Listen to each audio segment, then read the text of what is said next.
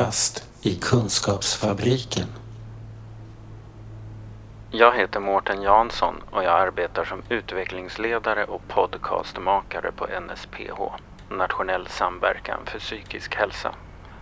I våras fick jag möjlighet att göra ett par fokusgruppsintervjuer med utskrivna patienter och patienter som var på väg att skrivas ut från rättspsykiatrin i Växjö. Det här är Tina Fågelklou. Jag arbetar som verksamhetschef vid den rättspsykiatriska regionkliniken i Växjö.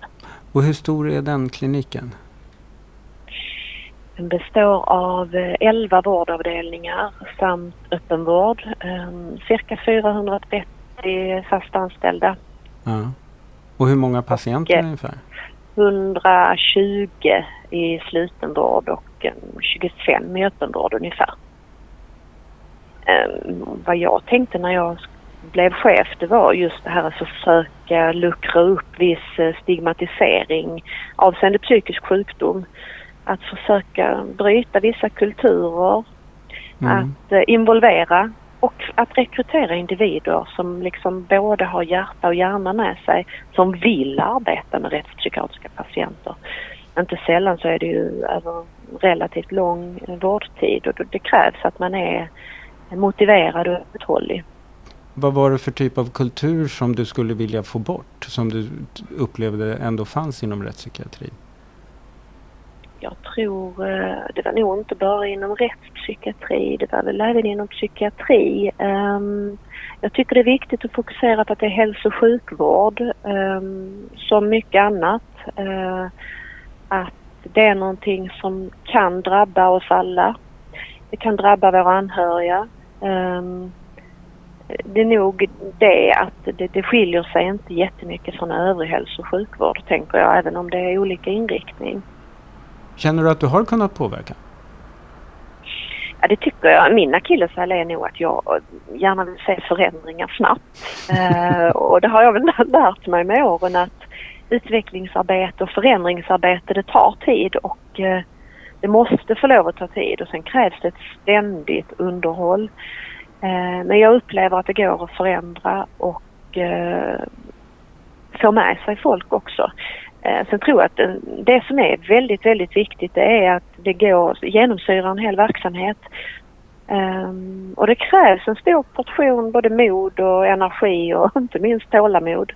Men jag tror att, att, att jag i min roll måste leva som jag lär och föregå Mm som ett gott exempel. Eh, då är det också lättare att ta i personer som inte har ett gott uppförande. Mm. Har du fått göra det mycket? Eh, var det mycket tänker jag? Nej. Men det är klart att det har hänt. det? Ja. Ja, det har jag. Det Mm. har hänt och det kommer hända igen. Det är väl också viktigt om man ska jobba med utveckling att saker, även om man ställer saker till rätta eller skapar saker som är bättre så kommer det hända saker som känns som bakslag och att man hanterar dem då och inte tror att allt var förgäves. Mm, absolut. Mm. Och att inte heller se bakslagen som, som något nederlag för då finns eh, en risk att man föder någon form av tysthetskultur. Mm. Utan så transparent som möjligt, att upp med det på bordet, blotta om vi har gjort fel. Uh, sitta inte på händerna, det är det största felet man kan göra. Kafferast i Kunskapsfabriken. Den här un- undersökningen som jag fick möjlighet att göra åt er. Hur tänkte ni när ni gav mig det uppdraget?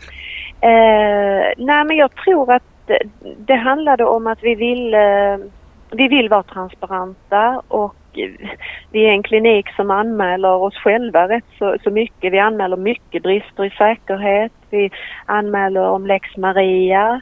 Vi, vi vill bli bättre Mm. och eh, vi tänkte att det är verkligen hög tid att involvera patienter och också göra det eh, så lite hotfullt som möjligt och så eh, avdramatiserat som möjligt. Och då Mm. tänkte vi att du skulle vara lämplig för det eh, och att du skulle få styra det själv. Eh, för det är så lätt att, att en ledning liksom tar beslut om vad som ska ingå och vad som inte ska ingå och det ville vi komma bort från. Vi ville ha sanningen på något sätt.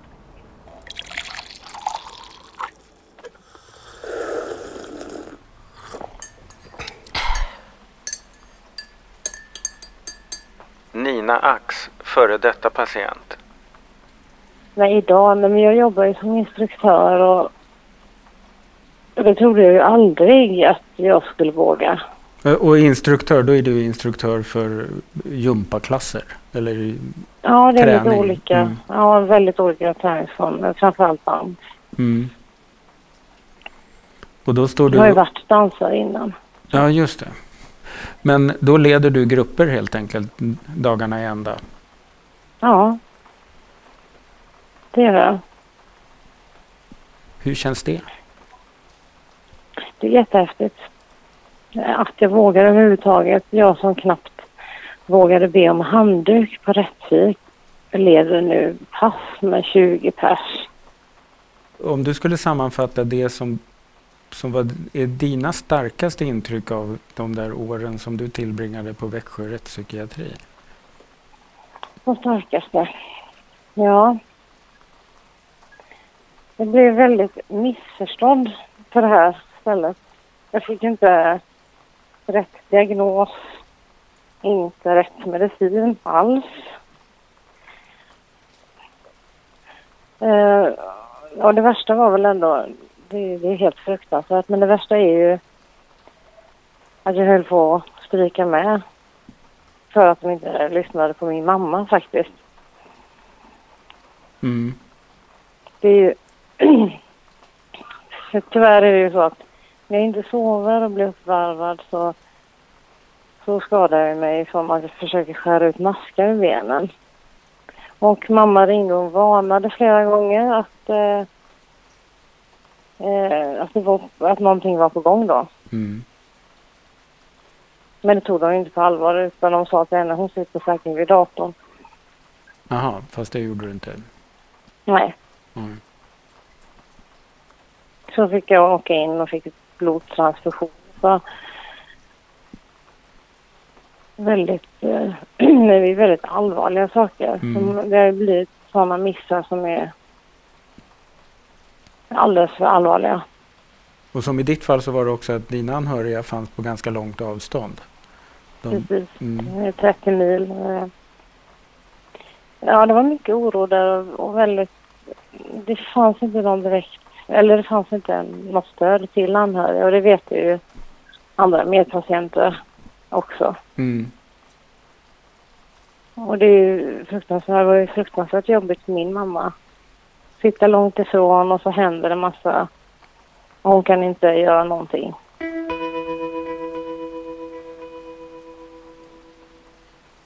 Jag tror jag ska få vara där för all framtid.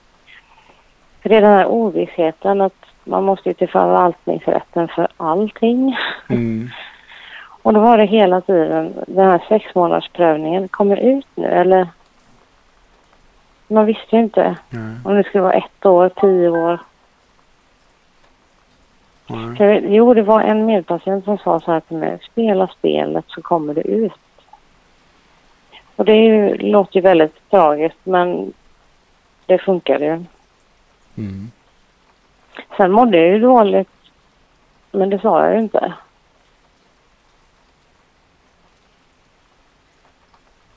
Nej men det blir ju lite så att, eh, att de vaktar mer.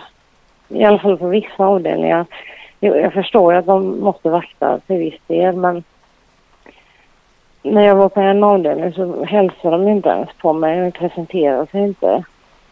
Så Jag kände mig inte ens som en människa Och, det, under den tiden. och det blir lite tokigt med tanke på att i hälso och sjukvårdslagen står att hälso och sjukvård ska bedrivas på ett sätt som stärker relationen mellan personal och patienter.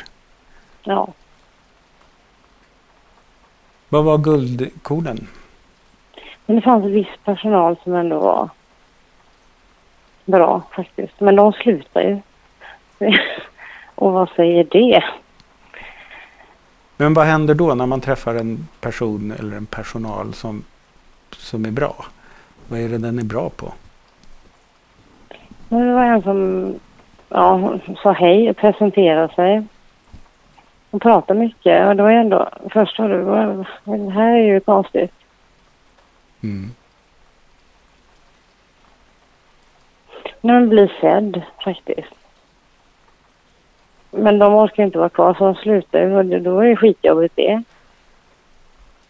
Ja, just det. Du ska sakna dem sen också där inne. Mm. Men det är ju lustigt för att, att bli sedd är ju sånt som folk jobbar med i allt bemötande i ICA och allt möjligt eller i var som helst i samhället. Men när man då skapat en struktur som heter rättspsykiatri då, då finns det liksom ingenting i systemet som frammanar det hos personalen. Nej. Det, det är hemskt.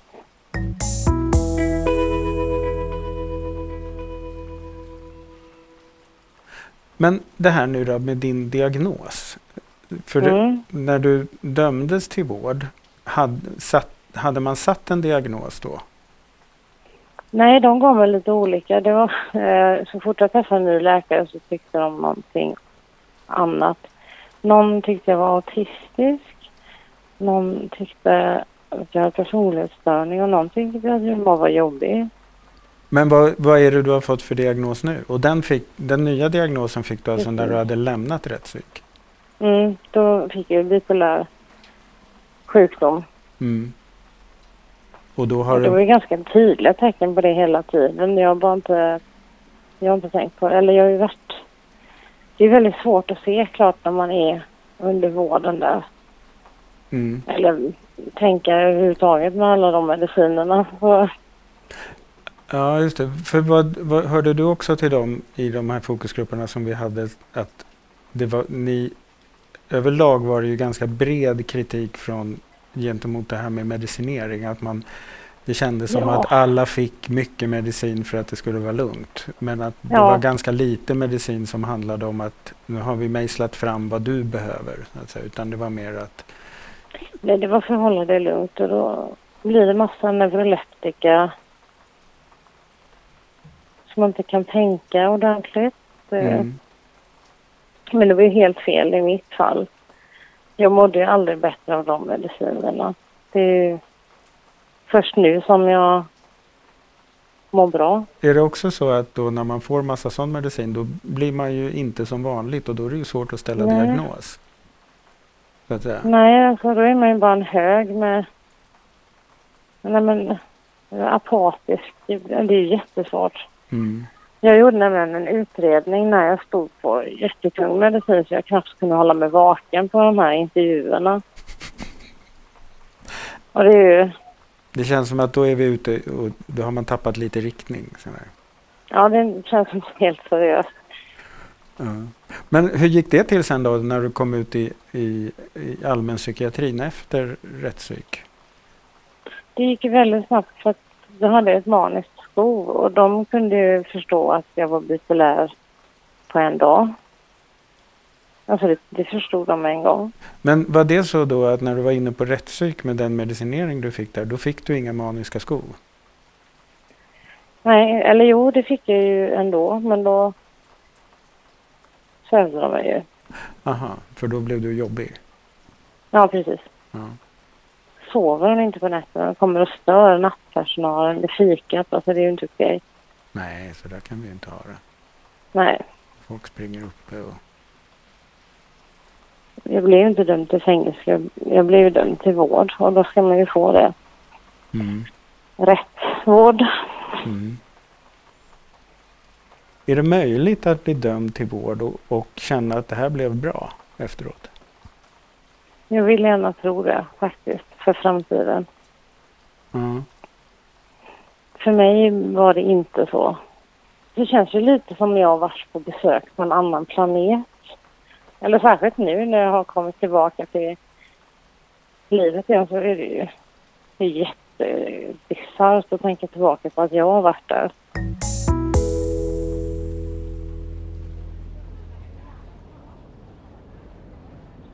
Sebastian Färm, patient i den öppna rättspsykiatriska vården. Vad är det du har för diagnos? fetalt alkoholsyndrom.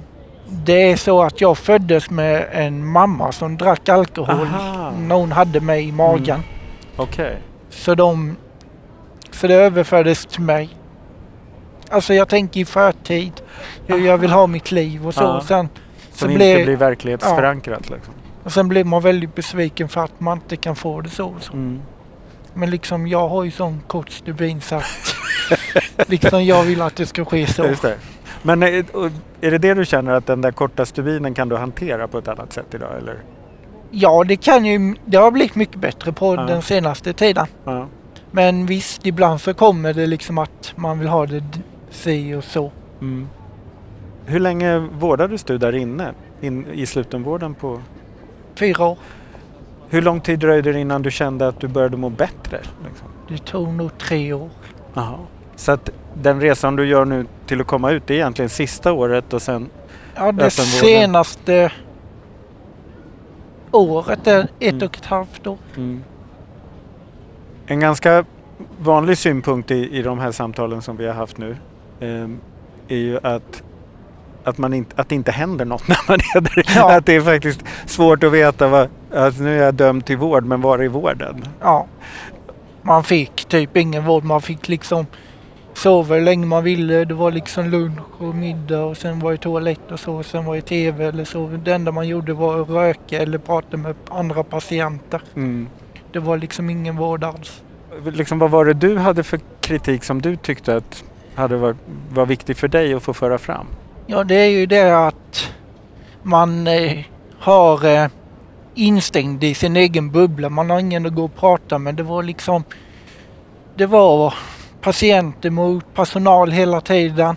Man kunde inte lita på någon personal och sen då att man fick höra vissa rykten och så om eh, eh vissa patienter då. Sen gick man och kollade bak ryggen på sig hela tiden för man visste inte vem som var där.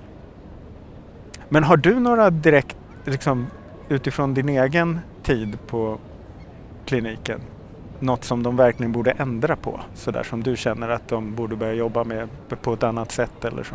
Menar du inom I slut? slutenvården? Ja, det är ju det att de tar eh, individ för individ. Så att du inte drar alla över en kant. Men du gör också lite skillnad på slutenvården och den öppna vården. Ja. Hur, hur tycker du att den öppna vården är?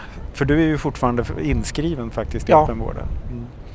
Ja, det jag ser det är att man får ett tydligt bra bemötande. Att de pratar så att man förstår dem. Alltså Mm. bra kommunikation. Det är en annan ton i öppenvården ändå.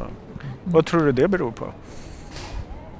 Jag tror att de ser liksom att ja, denna människan, han ska inte sitta här. Alltså han ska liksom ut i samhället. Han ska fungera som en, vilken människa som helst. ta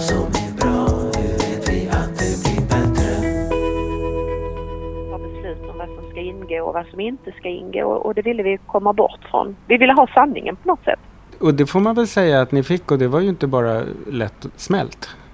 Om man säger Nej. så. Ehm, dels var det en del kritik av tydliga saker men framförallt så var det ju en berättelse om väldigt ganska många och svåra upplevelser. Som, eller att det hade varit ganska jobbigt att vara hos er helt enkelt.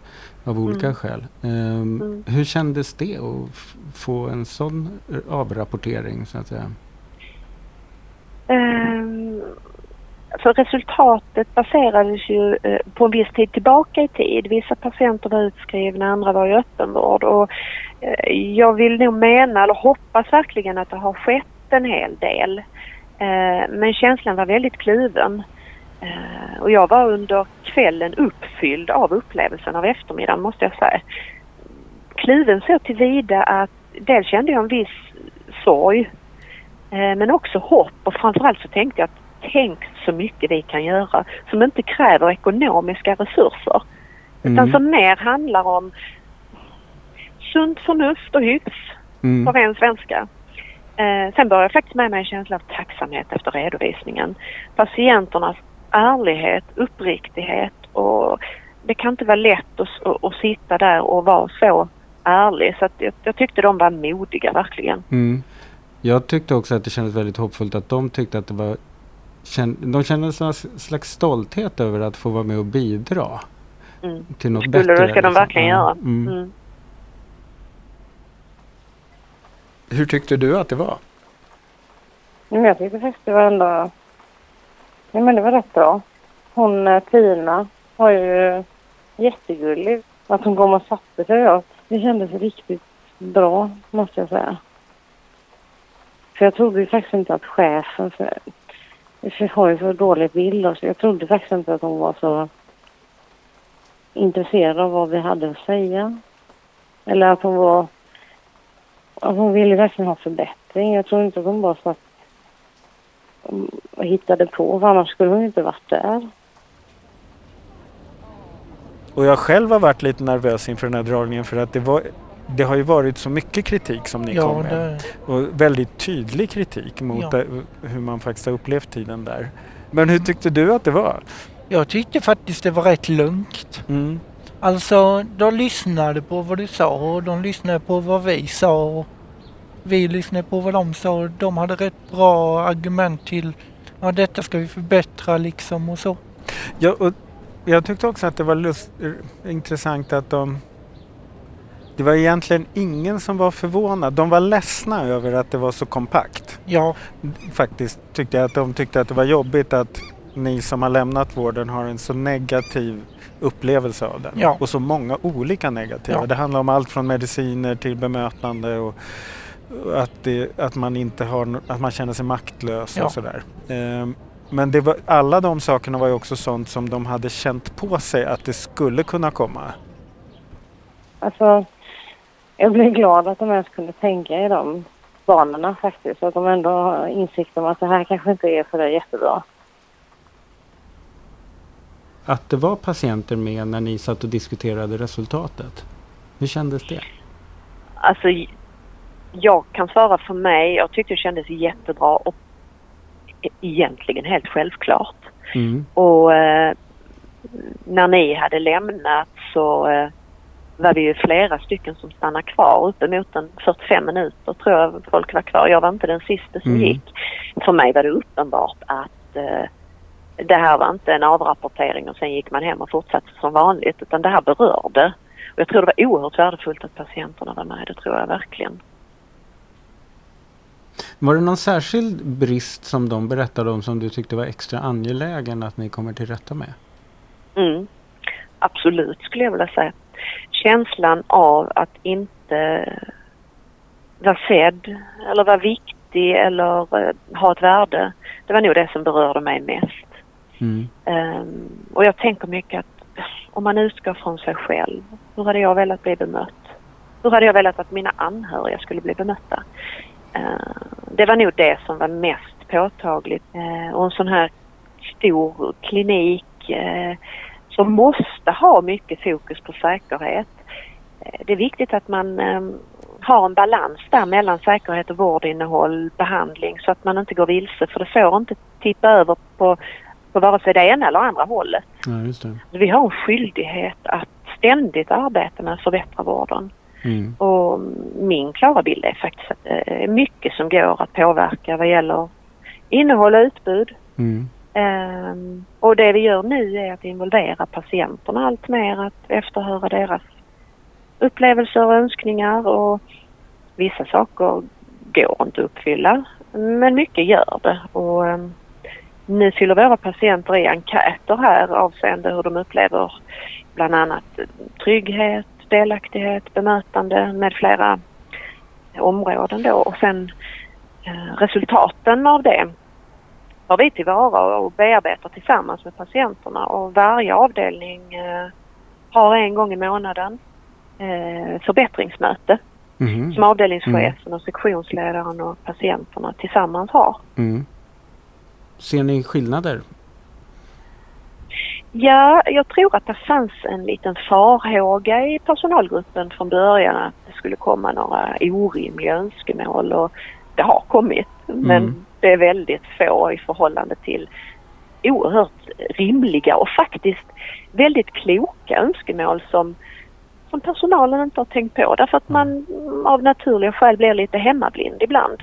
Just Det det. här ser Mm. jag som en, en tillgång och resurs verkligen. Efter vår första redovisning har klinikens ledning bett oss göra fler intervjuer. Nu med patienter som är i så kallad utslussning, vilket betyder att man lämnat den mest slutna vården innanför murarna, men ännu inte flyttat ifrån området och skrivits ut till den öppna rättspsykiatriska vården.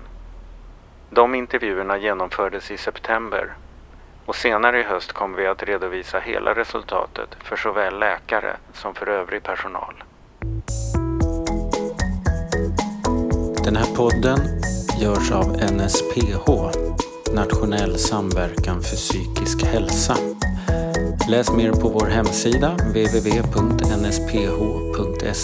eller följ oss på Facebook, Kafferast i Kunskapsfabriken.